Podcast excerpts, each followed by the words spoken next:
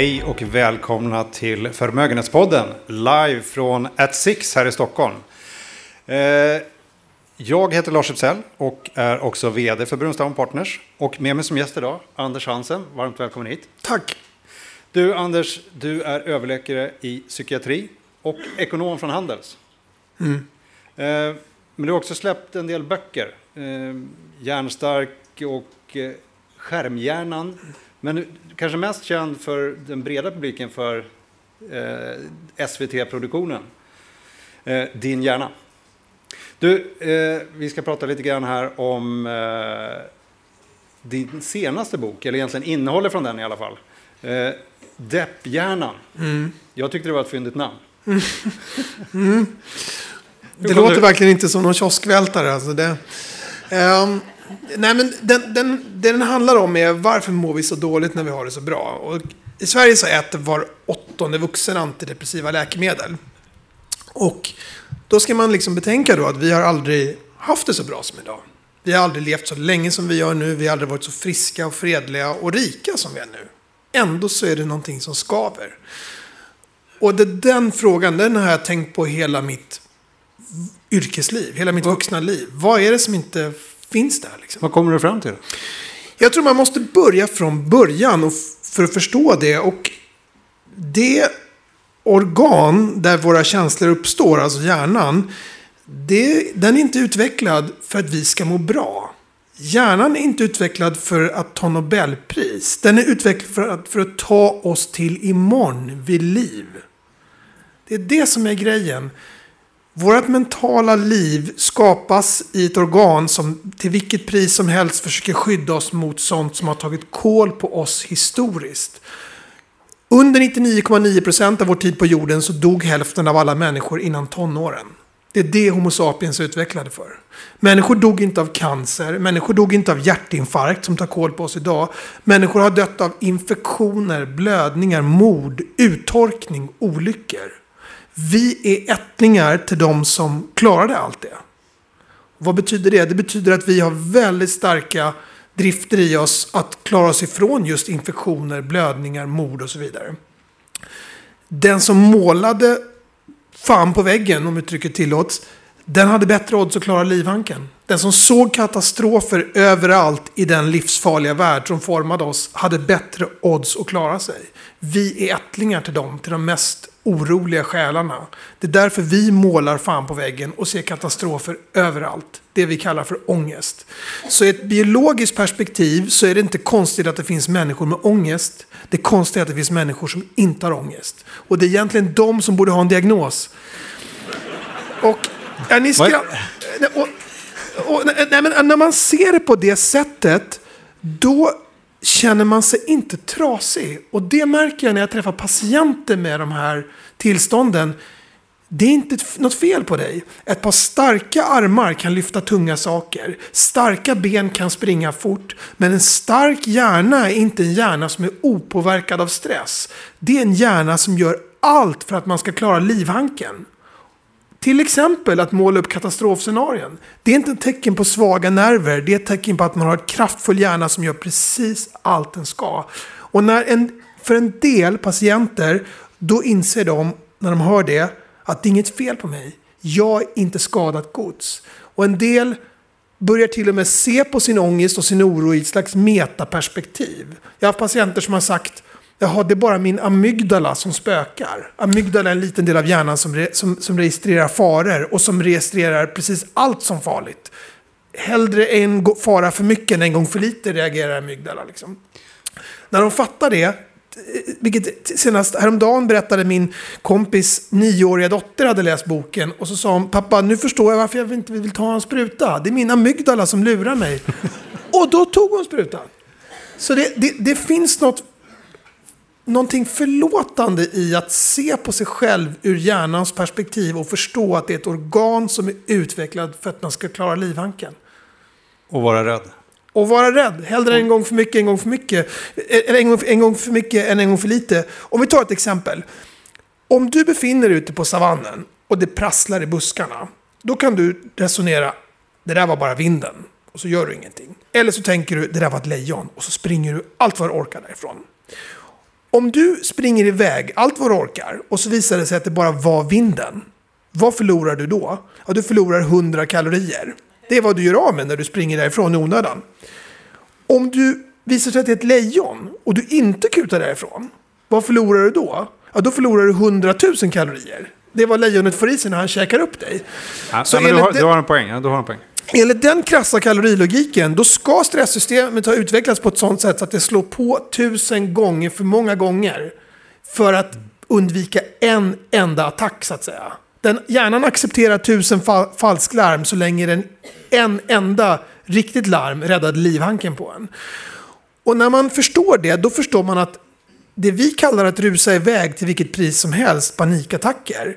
Varje enskild attack behöver inte fylla någon funktion. Det räcker med att en bråkdel alla, av alla panikattacker fyllde en funktion i oss i de livsfarliga omständigheter som formade oss. Och ungefär hälften av ens förmåga eller benägenhet att utveckla panikattacker är genetisk. Den är satt när man föds. Och jag har haft patienter som har kommit tillbaka och sagt jaha, det är okej att få en panikattack. Den är bara ett tecken på att man fungerar normalt. Den är ett falsklarm som visar att hjärnan i grund och botten funkar som den ska. Och när det här fallet var en man, när han kom till den insikten, då kom attackerna mer sällan.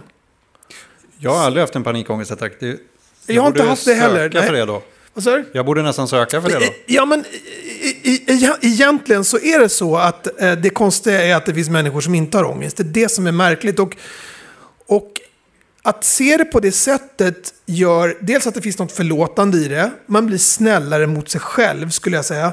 Men det är också så att när man börjar se på sig själv biologiskt och utifrån hjärnans perspektiv så kommer de här uttjatade råden om sömn, om motion, om att träffa och ha nära vänner som man träffar på riktigt.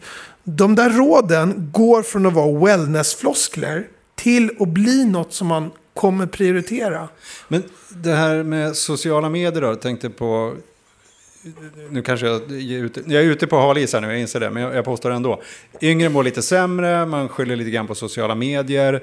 Um, är det riktigt? Alltså, hur kan det, ersätter det inte den här sociala närvaron som man kanske behöver?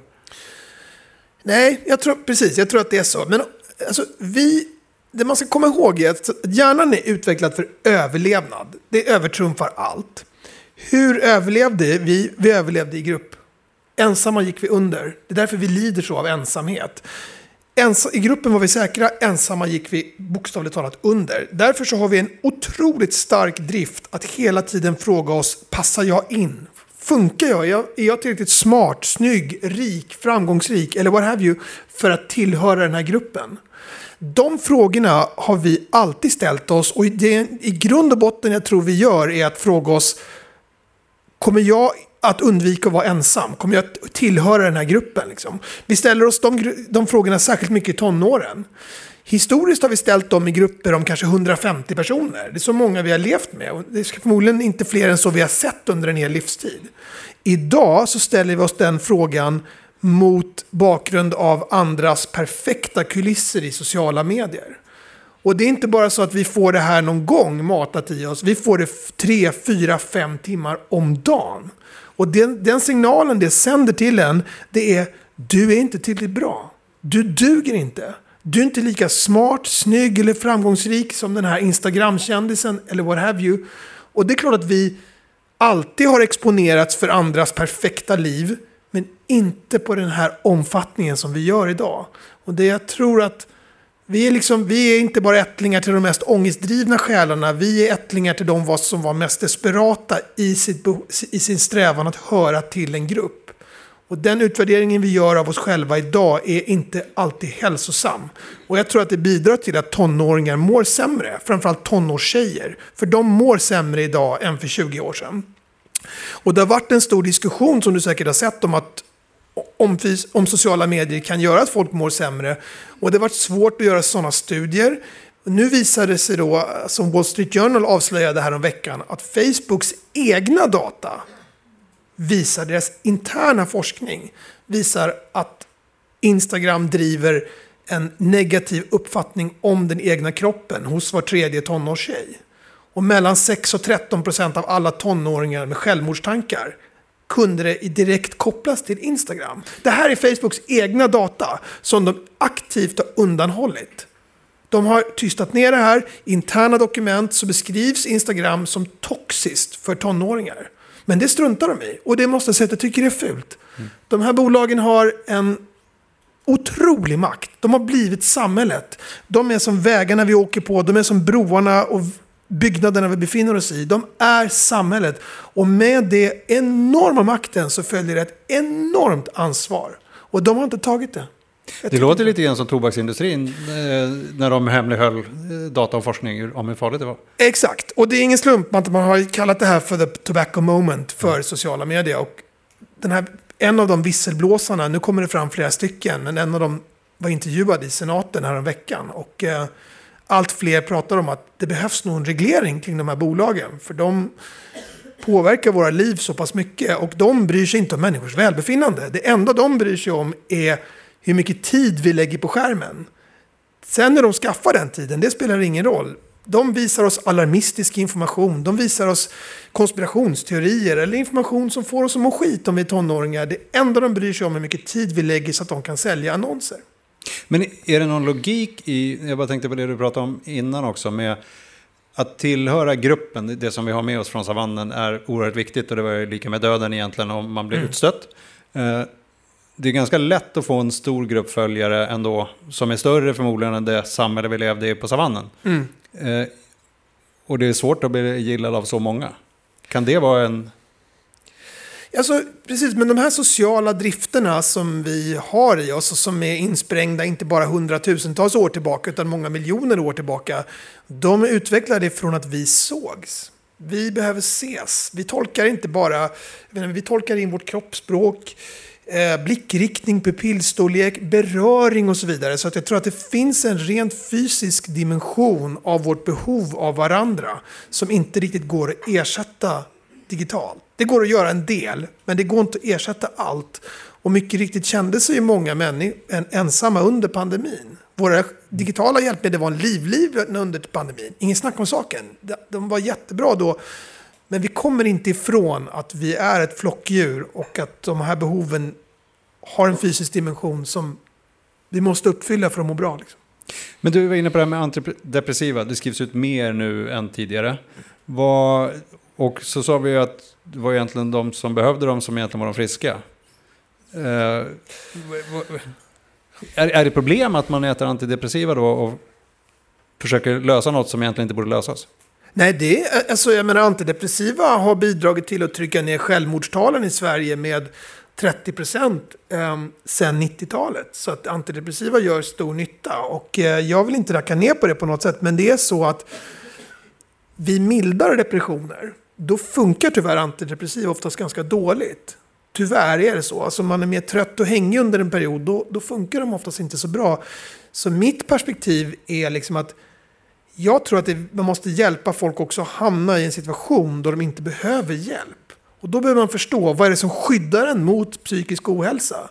Och det är motion, det är sömn och det är att träffas på riktigt. De tre faktorerna är helt avgörande. Det är bara så vi är byggda. Liksom. Och eh, det finns en, det var en amerikansk, en amerikansk psykiatriker som heter Thomas Insel. Han ledde en organisation som heter National Institute of Mental Health. Och det var den organisation som fördelar mest forskningsstöd till psykiatrisk forskning i USA. Under hans ledning så delade NIMH ut 20 miljarder dollar till forskning, psykiatrisk forskning. Det var 13 års tid tror jag. Alltså 170 miljarder kronor.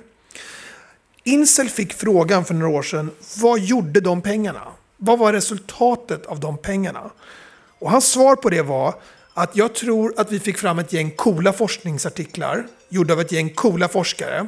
Men jag tror inte vi gjorde någon skillnad alls vad gäller att minska sjukhusinläggningar för psykiatriska diagnoser, minska självmord eller att få folk att må bättre.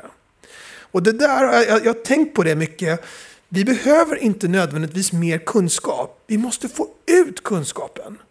Det är det som är grejen. Man kan inte sitta och bara samla på sig mer kunskap i någon slags akademisk elfenbenstorn, utan den här kunskapen måste ut. Den viktigaste effekten på folkhälsa, det kanske man får genom att få folk att prioritera att ta en extra promenad och besöka farmor lite oftare. Och, och, och, och de här råden, de har vi hört tidigare. Men om man berättar om i perspektivet hjärnan, då börjar man se på dem på ett nytt sätt. Vill du förändra folks beteenden, berätta historien på ett nytt sätt. Det är därför jag tror att det finns sån kraft i att föra ut den här sciencen. Du har nu tips. Jag har en 14-åring hemma. Eh, inte en tjej, men en kille. Eh, som gillar att spela Playstation. Eh, och det gör alla hans kompisar. Så de går ju liksom hem efter skolan. De hänger inte så som kanske du och jag gjorde när vi var små. Ska man bara stänga av den och skicka ut dem?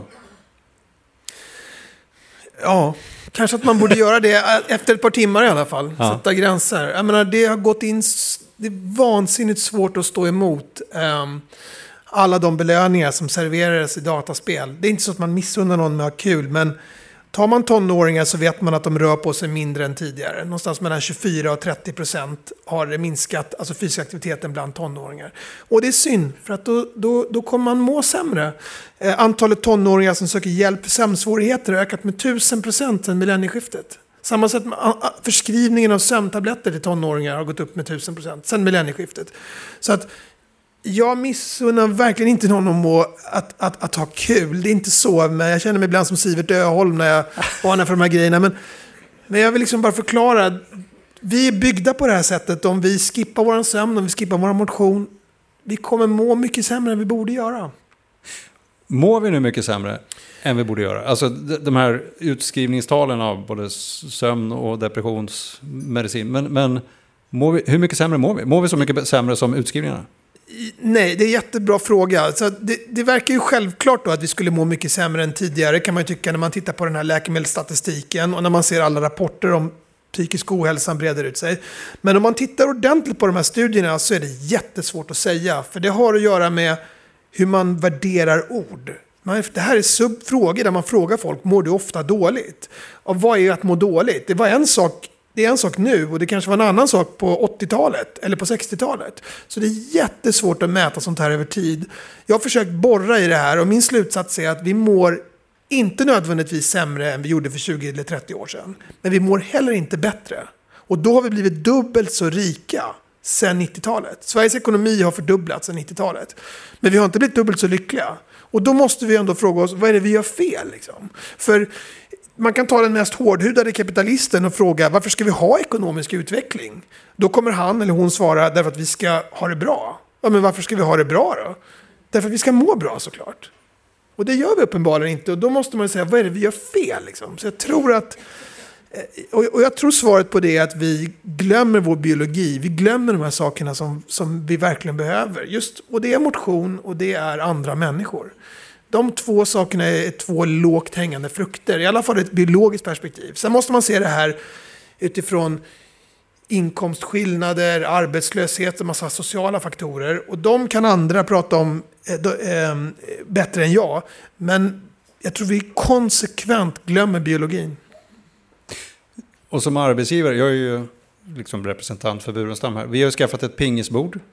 Eh, och vi har planerat in en julfest nu. Det är ganska Bra beslut, eller? Det var jättebra, absolut. absolut. Låter rimligt. Ja, det tycker jag. Eh, nej, men en del har sagt så här att man borde få motionera på arbetstid. Om man tar den frågan. Mm. Det borde gå att räkna hem ur ett företagsekonomiskt perspektiv. Om man nu blir mer koncentrerad och minns bättre, som jag sa, om man blir bättre gamer och smartare, då borde ju alla få motionera på arbetstid. Det borde gå att räkna hem. Problemet är att den typen av satsningar, de får ofta till följd att de som redan motionerar de börjar göra det på arbetstid. Men de som inte gör något, de är inte med. Och tricket ur ett folkhälsoperspektiv och för övrigt produktivitetsperspektiv, det är att få de som inte gör någonting och göra lite. Det är där det ligger. Det är det som är skattkistan. Liksom. Få de som inte gör ett smack att börja gå till jobbet. Eller cykla till jobbet. Du, eh, jag tänker samma tanke. Vi ska, vi ska runda av med lite snabba, snabba frågor här. Eh, lite ett annat tema. När lärde du dig något nytt senast? Igår.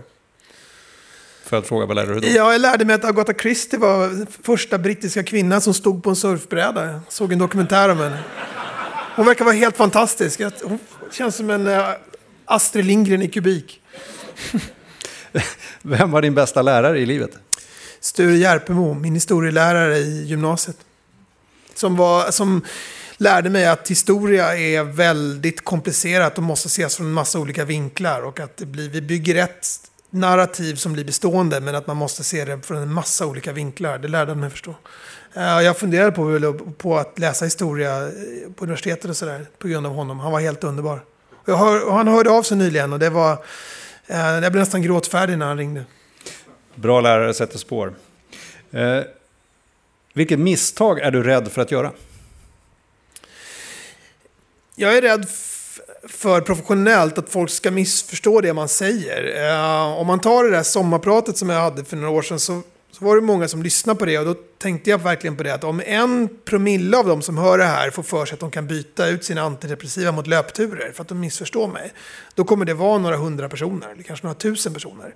Och då riskerar de självmordstankar. För så händer om man bryter antidepressiva. Så att jag är rädd att det jag säger ska förvanskas eller missförstås medialt och att någon ska fara illa på köpet. Eh, vad tycker du är det mest krävande med ditt jobb? Jobbiga frågor. Ja, nej men det jobbiga som psykiatriker är att man ser väldigt mycket lidande.